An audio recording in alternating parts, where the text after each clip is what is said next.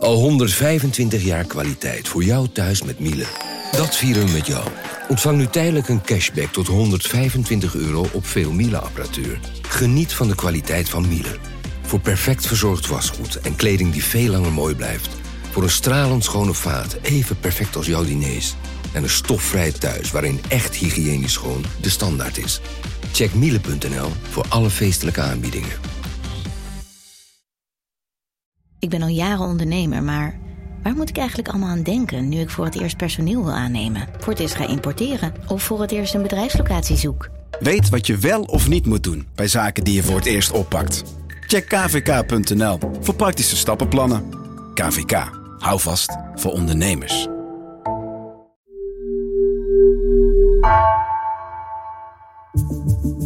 Vanaf de redactie van NRC het verhaal van vandaag.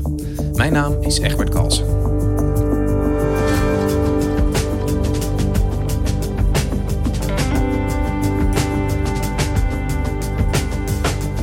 De Britse koningin Elizabeth is overleden. De vrouw die het koninkrijk bij elkaar bracht. Wat maakt dat zij de Britten wist te verenigen? En kan troonopvolger Charles dat ook? Oud-correspondent Titia Ketelaar vertelt hoe het nu verder moet met het Verenigd Koninkrijk nu de Queen er niet meer is.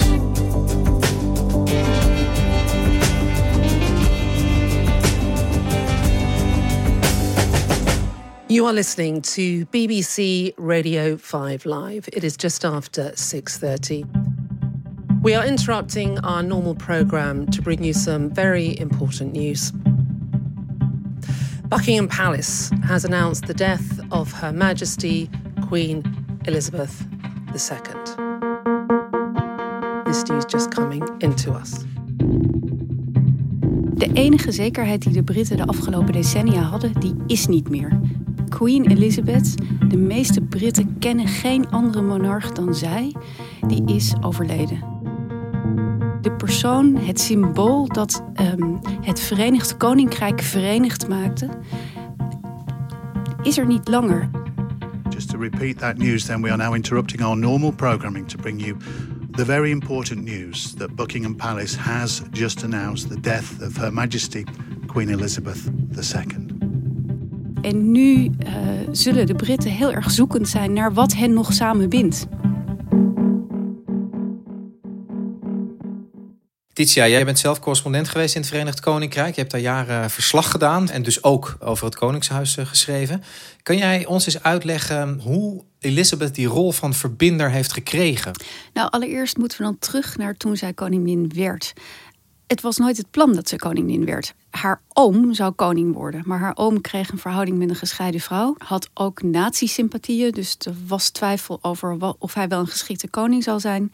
Hij is uh, afgetreden en hij, opeens werd haar vader, dus de tweede zoon, werd koning, waarmee zij kroonprinses werd.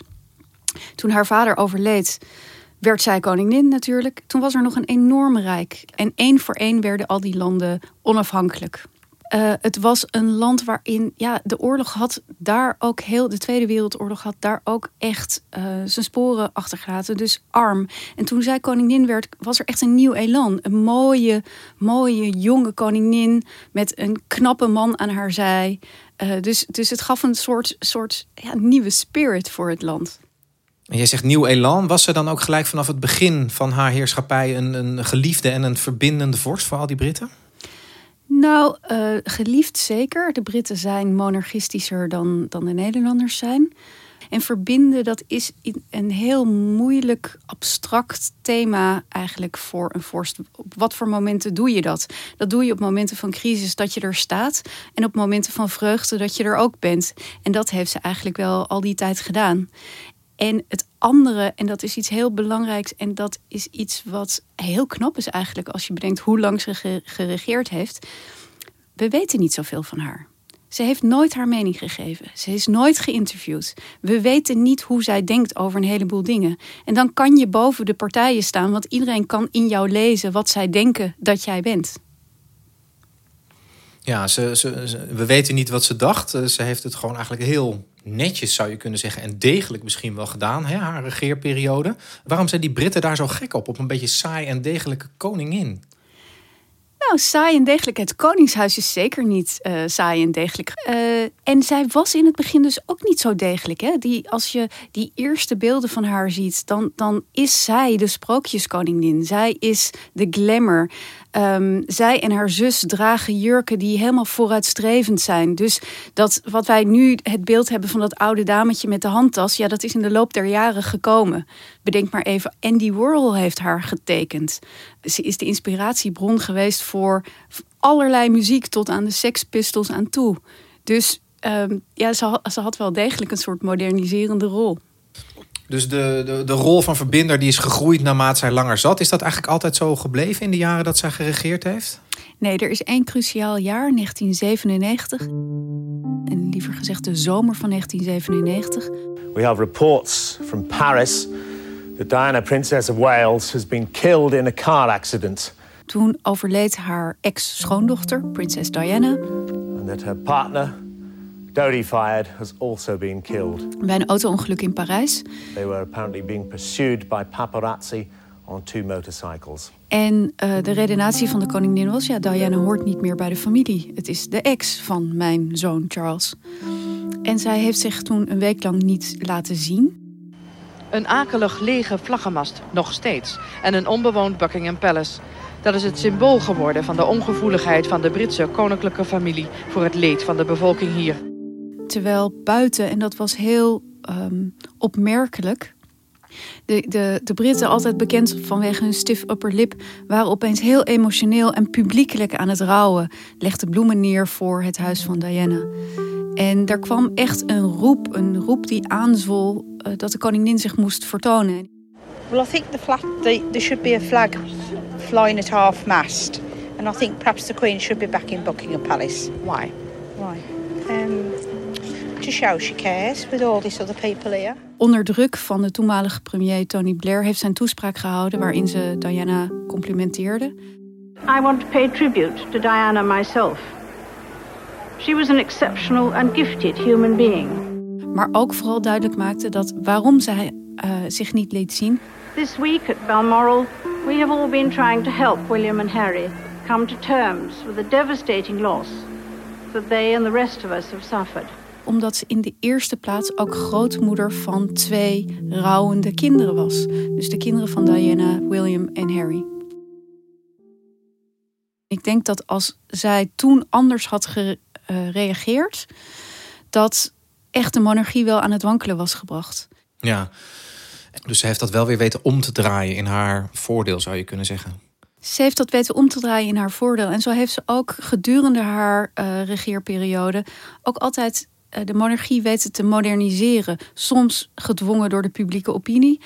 Um, bijvoorbeeld, ze is belasting gaan betalen. De paleizen zijn opengesteld uh, in de zomer, maar ook op andere perioden. En daarmee heeft zij toch zowel het sprookje weten te behouden als openheid gegeven en meegegaan met een samenleving die in die 75 jaar ook anders is geworden. Hey, en Titia, als je haar nou uh, moet typeren, hoe zou je dat doen? Wat, wat karakteriseerde haar nou in, als mens en als, als, als koningin? Ik heb haar van dichtbij meegemaakt op een garden party in Buckingham Palace. En ik was uh, uh, op, op geluidsafstand, of gehoorafstand. En ik vond het heel knap wat ze deed. Want dan wordt ze voorgesteld aan mensen. En dan heeft ze altijd één vraag. En het is eigenlijk, uh, iedereen heeft dan het idee dat, zij voor, dat ze echt speciaal worden aangesproken door de koningin. En als je er zo vaak bij staat, dan hoor je dat het eigenlijk altijd dezelfde vraag is met uh, uh, wat brengt u hier? En dan beginnen mensen uit zichzelf te vertellen en dan stelt ze een tweede vraag. En dan denken mensen dat ze echt oprecht weet wie zij zijn. Nou, dat vond ik heel knap. Um, en ja, plichtsmatig, een arbeidsethos. Um, ze is ook al die tijd dus doorgegaan. Hè? Uh, ze heeft maar zelden bijvoorbeeld uh, de opening van het parlement uh, overgeslagen. Alleen maar tijdens haar zwangerschappen. Altijd maar doorgaan, altijd maar werken. Ook tijdens je vakanties. En, en um, zij is dus nu op 96-jarige leeftijd overleden. Heeft zij nou tot, tot, tot het eind aan toe zeg maar, haar taak kunnen volbrengen? Hè? Wat ze zich zo had voorgenomen toen ze, toen ze het ambt accepteerde? Ja, ze heeft zeker tot het einde heeft ze haar taken vervuld. Ze kreeg nog altijd het rode koffertje met de wetten erin. En ze heeft natuurlijk, en dat hebben we kunnen zien, de nieuwe premier benoemd en gevraagd of zij, Liz Trust, een regering wil vormen. En ehm, ja, nu zijn al die taken aan, aan Charles. Dus die zal vanaf nu uh, dat rode koffertje met de, de wetsvoorstellen krijgen om te ondertekenen. Ja, dat is altijd een beetje, een beetje raar natuurlijk. Hè? De, de koningin is overleden en we moeten dan ook gelijk naar, eh, naar Charles, naar haar opvolger uh, gaan kijken. Wat denk jij? Zal hij nou op dezelfde manier in staat zijn als zij dat is geweest om het Verenigd Koninkrijk bij elkaar te houden, om die verbindende rol te spelen? Nou, dat wordt veel moeilijker. Want Charles had natuurlijk een moeilijke rol als kroonprins. Namelijk, je, je wacht eigenlijk tot je moeder sterft. Um, en waar ik net zei dat zij wij eigenlijk niet weten wat zij denkt en wat zij vond, dat weten we van Charles wel. In die afgelopen 75 jaar heeft hij op verschillende momenten ja, toch wel stevige meningen geuit. Bijvoorbeeld over biologische landbouw en de natuur, van uh, dingen eten die van dichtbij komen. Dat zei hij 20, 30 jaar geleden en toen vond iedereen hem nog een idioot. En nu zijn er toch steeds meer mensen die zeggen: ja, dat is misschien wel verstandig. Aan de andere kant heeft hij ook, en uh, dat werd de spider letters genoemd, naar, uh, naar zijn hanenpoten, brieven naar ministers geschreven met ik vind dit en dit. 27 brieven zijn het.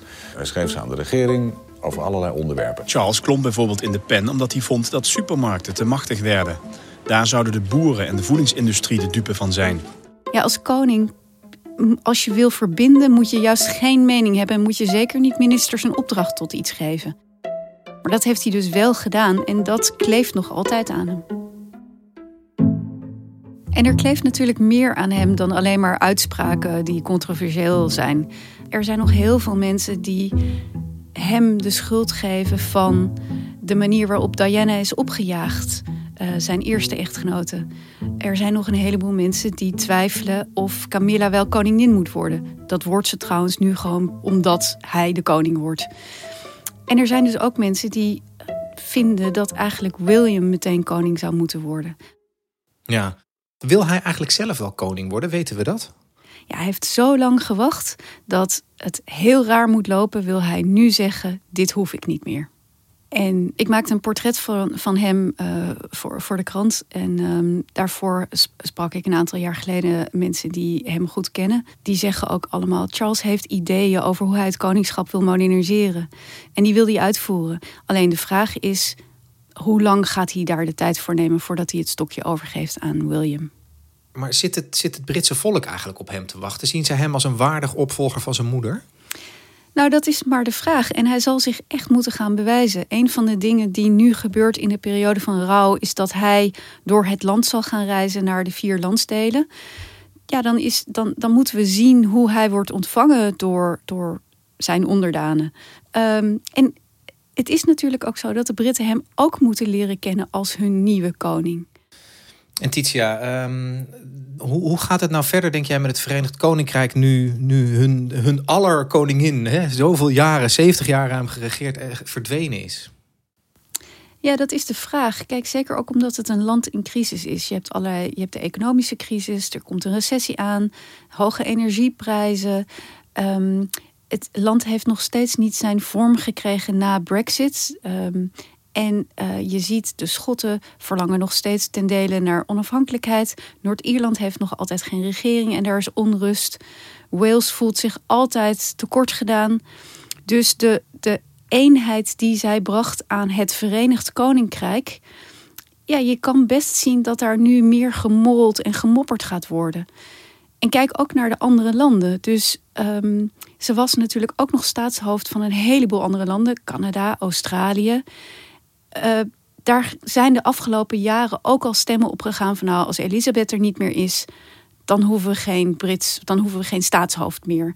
Barbados is dit jaar al voorgegaan. Barbados is een republiek geweest. Charles was daar om eigenlijk uh, uh, dat, mee te vieren. Maar je kan best zien dat republikeinse tendensen in die andere landen, die sterker zijn dan bij in het Verenigd Koninkrijk, dat die nu opspelen. En dat Charles nu nog koning is van, van een aantal andere landen naast het Verenigd Koninkrijk, maar dat dat over, als het uh, zover is dat William koning wordt, dat het alleen nog maar het Verenigd Koninkrijk is.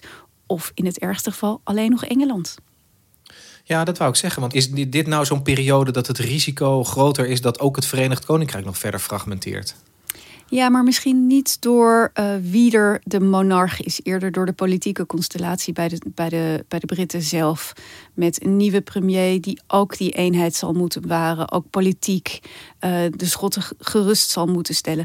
De Schotse nationalisten die hebben altijd gezegd... als zij uit de Unie stappen... dat ze nog wel Elisabeth als staatshoofd zouden willen. Nou, dan is de vraag... willen jullie Charles ook nog als staatshoofd? Als jullie ooit onafhankelijk worden. Ja. Hey, en Titia, tenslotte, um, hoe gaat het nou verder de komende dagen? Is, Charles eigenlijk nu automatisch al koning? Uh, wanneer zal er een inhuldiging zijn? Hoe gaat het lopen de komende dagen daar? Ja, Charles is automatisch koning. De koning is dood, leven de koning. Zo werkt het bij ons ook. Um, en er, is, uh, er zijn dagen van rouw afgekondigd. Uh, er worden kerkdiensten gehouden. De koningin en nu dus Charles is ook automatisch het hoofd van de Anglikaanse kerk. Dus er, zal veel, er zullen veel religieuze diensten ook uh, zijn. Um, de koningin zal opgebaard liggen en Britten zullen daar vier dagen lang langs mogen lopen als zij willen. Dus het afscheid van de koningin die hen verenigde zal een paar dagen duren.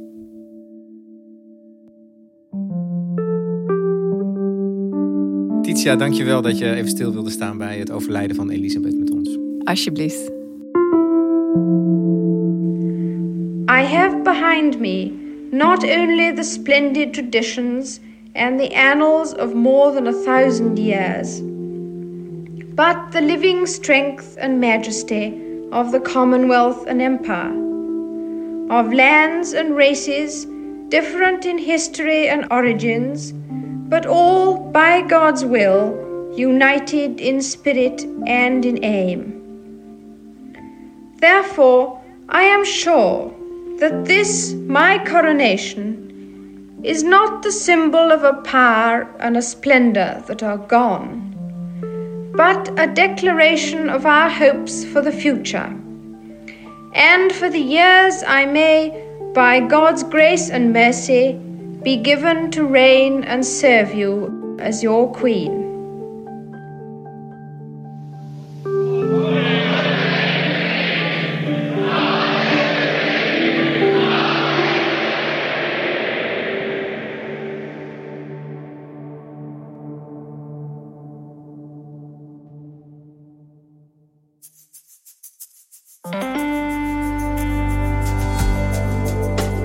Je luisterde naar vandaag podcast van NRC.